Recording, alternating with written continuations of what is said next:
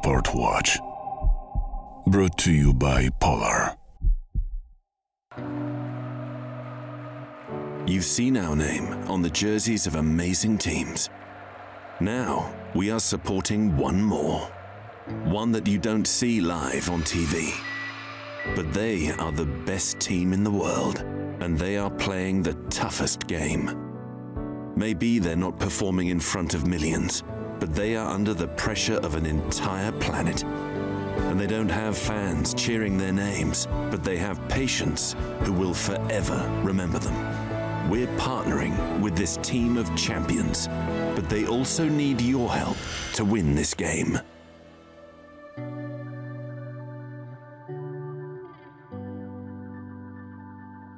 Stay home like a pro.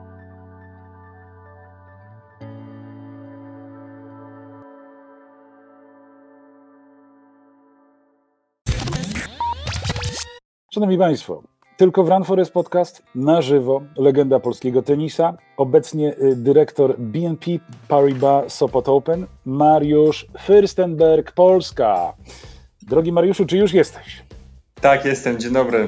Wow, ja się bardzo cieszę, że udało nam się złapać, bo ostatni raz, kiedy się widzieliśmy, drodzy Państwo, te informacje musicie wiedzieć, to nam przy, Wam przybliży odległości czasowe, które nas dzielą. Widzieliśmy się pod koniec stycznia, i umawialiśmy się na wywiad i na żywo jeszcze w Radiu Weszło FM na kolejny tydzień. Okazało się, że minęły trzy miesiące, a my już jesteśmy na żywo, także słuchajcie, czas, yy, tak jak yy, Steve Jobs, trzeba ten czas, yy, tę czasoprzestrzeń zaginać, więc dzięki y, tutaj technologii jesteśmy na żywo. Mariusz, powiedz, czy ty się cieszysz na, na poniedziałek?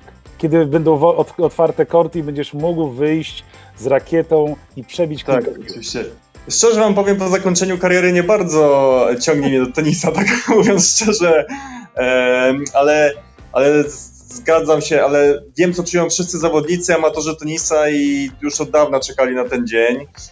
Nie ukrywam, że jak jest się zawodowym tenisistą, to mm, nawet takie zaostrzenia, zakazy, ograniczenia nie. Człowiek zaczyna szukać gdzieś tam, żeby gdzieś pograć, dostać klucz od woźnego, otworzyć halę, wejść. Trzeba sobie radzić, bo słuchajcie, nie może być tak, że kilka miesięcy zawodnik, zawodowiec nie gra w tenisa, więc e, od czasu do czasu trzeba wziąć tą rakietę, podbijać i tak robili, uważam, że wszyscy na świecie, zaczynając od Federera po po naszych zawodników. Oczywiście z, zachowując ostrożność w 100%, ale dla amatorów to jest bardzo ważna decyzja. Rafa nadal ma najlepiej, bo ma własną akademię, która jest pusta.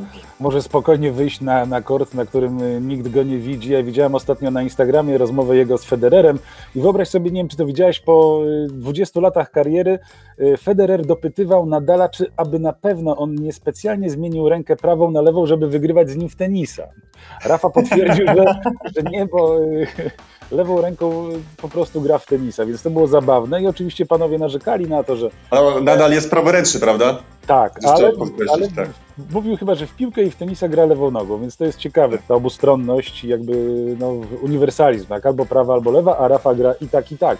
E, chciałbym zapytać Cię, e, bo przejrzałem dzisiaj nagłówki w, w tenis klubie, w serwisie Tenis Klub no i różnie tenisiści sobie radzą, tak? Dwóch tenisistów z Niemiec pracuje w, w sklepie wielkopowierzchniowym, tenisiści mm -hmm. zwalniają swoich y, trenerów, Diokowicz boi się szczepionki, y, Marat Safin boi się zaczipowania. Powiedz mi, co się dzieje w polskim tenisie? No rzeczywiście niektórzy mają różne kontrowersyjne wiadomości na Twitterze, w mediach społecznościowych. No. U nas y, względny spokój, każdy sobie pokrojomu gdzieś tam trenuje, oczywiście zachowując, jak już mówiłem, e, środki ostrożności, ale każdy bardzo cieszy, czeka na, na rozpoczęcie sezonu.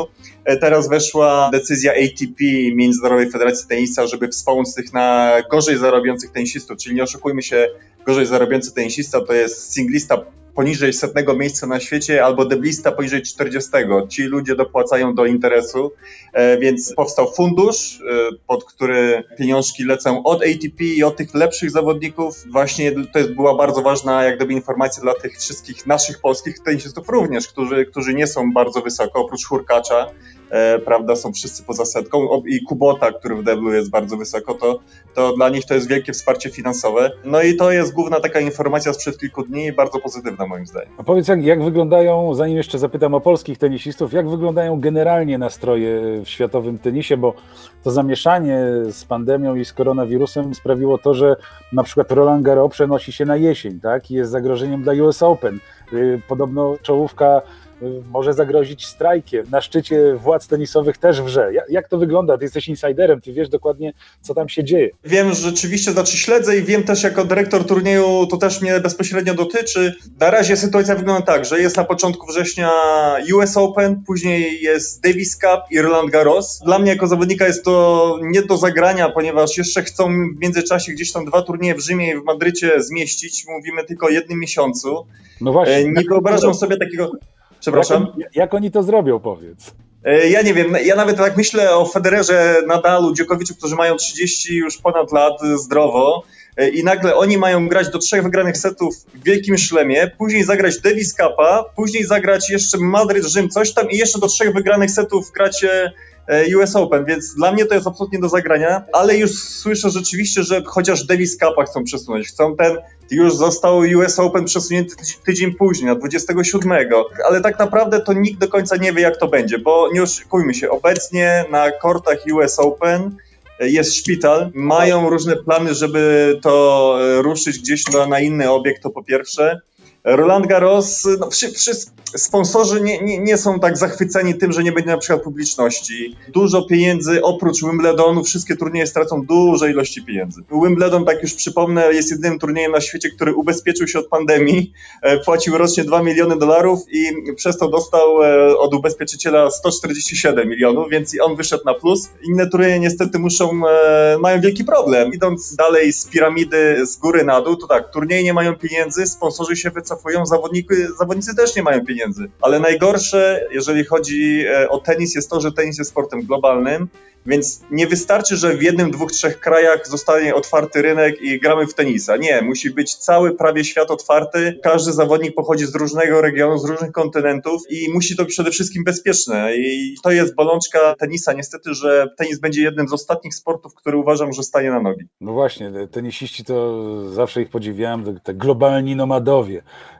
podróżują tak. E, z miasta do miasta, z turnieju na turniej, z kontynentu na kontynent.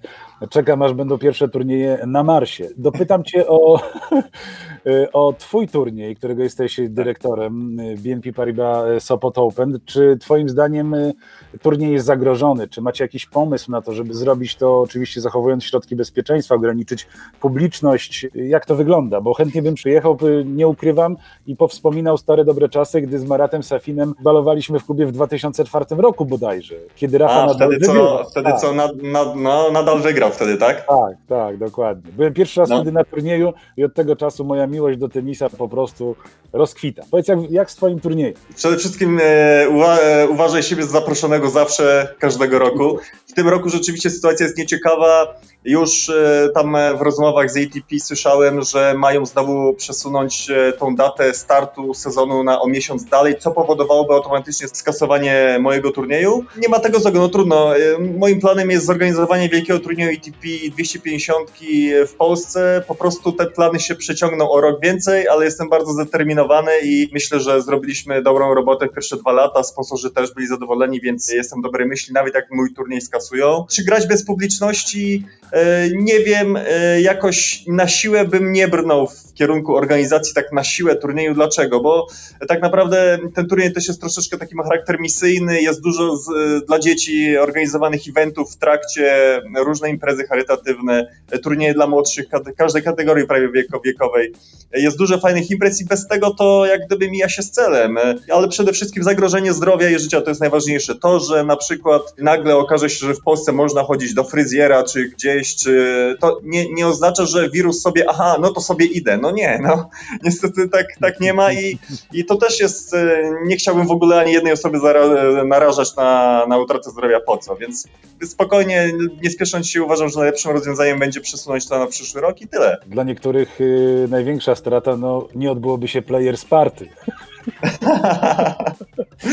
Słuchaj, y, wiem, wiem, że masz y, ograniczony troszkę czas, więc zanim zadam swoje pytania, to nasi widzowie, nasi, nasi słuchacze, jak usłyszeli, że będziesz, natychmiast postanowili zadać Ci kilka pytań, więc tutaj podglądam na nasz czat. Kamil Barkieta pyta, Mariusz, jak trenować wytrzymałość w tenisie, zwłaszcza w sytuacji, w której sezon trwa, uwaga, 11 miesięcy, turnieje są tydzień w tydzień i nie ma czegoś takiego jak okres przygotowawczy z prawdziwego zdarzenia. Jak sobie z tym radziłeś w swojej karierze? Bardzo dobre pytanie. Jednak tenis jest takim sportem specyficznym, że właśnie ten miesiąc, e, grudzień, jest jedynym czasem, gdzie można jak gdyby zbudować tą bazę, która musi cię starczyć na cały sezon, co jest praktycznie niemożliwe, ale rzeczywiście no jest to jedyny miesiąc, że trzeba pracować nad wytrzymałością. E, później jest tylko korekty robić, e, jakieś mikrocykle w trakcie sezonu trzeba też to, ale mikrocykl to są tydzień, dwa maksymalnie, więc niestety, no chyba, że jest się Federerem i odpuszcza sobie turnieje, turnieje na kortach ziemnych, to robił co roku ostatnio, to może sobie skorzystać z tego, ale ale tak to, to jest to ciężka sprawa. Grudzień bardzo mocno trzeba trenować, e, później szukać. Może nawet jakaś czasami, nawet kontuzja powoduje jakieś odpuszczenie kilku turniejów, większą ilość czasu na przygotowanie się, może to wykorzystać, ale rzeczywiście nie jest to jak w innych sportach, że masz makrocykle, mikrocykle, możesz spokojnie trenować, przygotować się do głównych imprez, ponieważ w, tenisie główne imprezy są ciągle, więc to jest największa jak gdyby słabość tego sportu, jeżeli chodzi o wytrzymałość. E, jeśli chodzi o wytrzymałość, to e, zadam Ci takie prywatne, osobiste pytanie. Powiedz mi, jak myślisz, czy któryś z wielkich szlemów e, zdecyduje się zmniejszyć liczbę rozgrywanych setów, które trzeba wygrać z trzech do dwóch, żeby Federer mógł jeszcze raz wygrać? A kurczę, ja bym mu tego życzył. Ja osobiście ja naprawdę, słuchajcie, ja tyle, tyle czasu przesiedziałem w szatniach, widziałem jak singliści schodzą do szatni po 3, 4, 5 godzinnym meczu, jakichś jeszcze ekstremalnych warunkach, e, ja naprawdę jestem przeciwnikiem grania do trzech wygranych setów. E, ja wiem, że to się zabija tenis, to jest tradycja stuletnia bodajże i tak dalej, ale jakoś odbieram to osobiście, więc ja chciałbym, żeby kiedy zawsze skasowali grę do trzech wygranych setów. No i to, to jest, to podałeś mi jak najlepszy argument, no, żeby jeszcze oglądać Federera Nadala jak najdłużej. No, to są ikony sportu.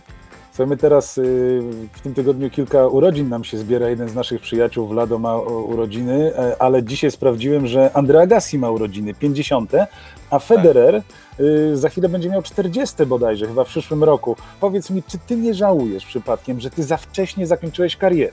Cieszę się, że mnie porównujesz do Agassiego i Federera. No.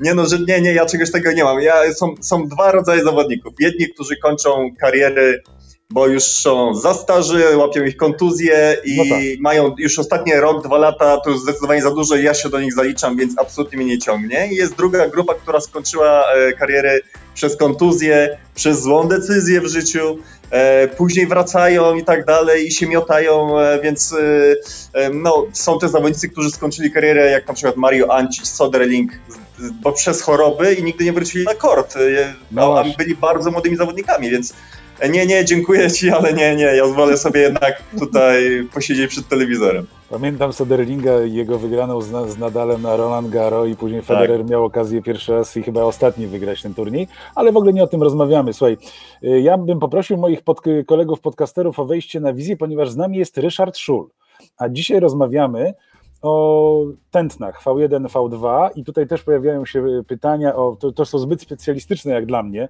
i tutaj na przykład Krzysztof Klepacki pyta, czy Mariusz, czy robione miałeś kiedykolwiek mleczany? O, jest już z nami Ryszard Szul, mam nadzieję, że witam. się widzimy. Dzień dobry, witam. Cześć, serwus. Witam. Więc te mleczany miałeś robione, robione czy nie, nie miałeś? Jeżeli się nie mylę, to jest poziom kwasu mlekowego, tak? No to... W trakcie wysiłku o narastającej intensywności albo na przykład po treningu czy po meczu. Tak, tak. W grudniu mieliśmy takie, nawet pamiętam z panią Ewą Zieman, e, w, robiliśmy takie testy w grudniu. Tak, e, akurat mieliśmy to szczęście, że tak, tak, tak było, aczkolwiek Muszę powiedzieć, że nie było to takie wymierne, ponieważ każdy z nas, jedni kończyli wakacje, drudzy już byli w treningu i tak to się e, mhm. nakładało, że to nie było jak gdyby co roku mierzone e, regularnie, ale chętnie posłucham, co ekspert ma. Może ja się czegoś nauczę już po karierze. Ryszard, czy ty masz pytanie do naszego gościa? Zanim to znaczy, ja bym, y, tak? ja bym chętnie posłuchał o tych testach. Na czym ten test polegał? Czy to był test na bieżni o narastającej intensywności, czy to był test na korcie, y, na przykład wahadło 20-metrowe, czy oprócz wytrzymałości mleczanów miałeś jeszcze robione inne parametry, jak na przykład skoczność, czy szybkość, czy moc? Jeżeli tak, to opowiedz. Y, pod koniec y, już moich, moje ostatnie lata, tak, mieliśmy już to robione dosyć profesjonalnie. Rzeczywiście, tak jak mówisz, na korcie e, lewo-prawo, lewo-prawo i pobierali nam próbki z palców, z krwi. Tak. E, Więc e, było to robione dosyć profesjonalnie, ale to było robione dopiero rzeczywiście jak e, jakaś taka myśl szkoleniowa weszła na wyższym poziomie, bo całe jak gdyby życie to była taka dosyć no, prowizorka i wszystko na spontanie. Sezon się zaczynał na spontanie. Ja się sam dziwię czasami, że coś tam wygraliśmy w tym tenisie, bo No, nie, nie tylko raz, słuchaj.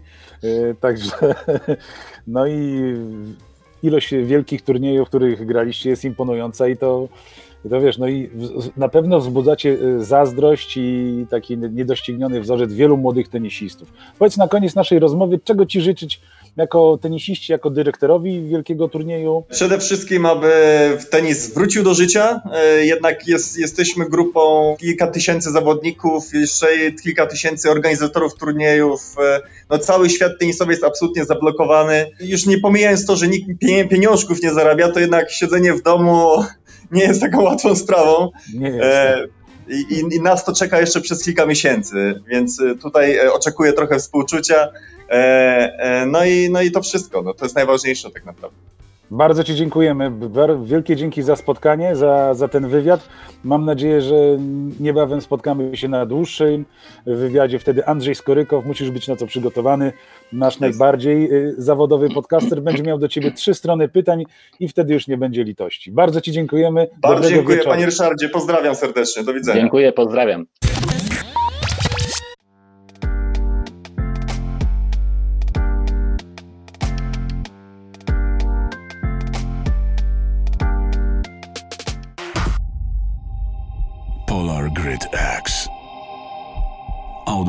Outdoor Multisport Watch. Brought to you by Polar. Warsaw Masters Team. Run Forest Podcast. I Suchy Tor Broadcast.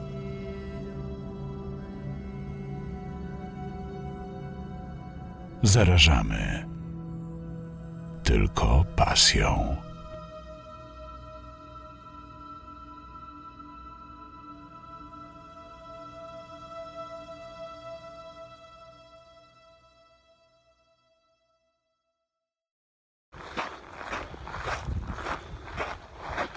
Uda mi się coś dzisiaj nadać? Nie wiem.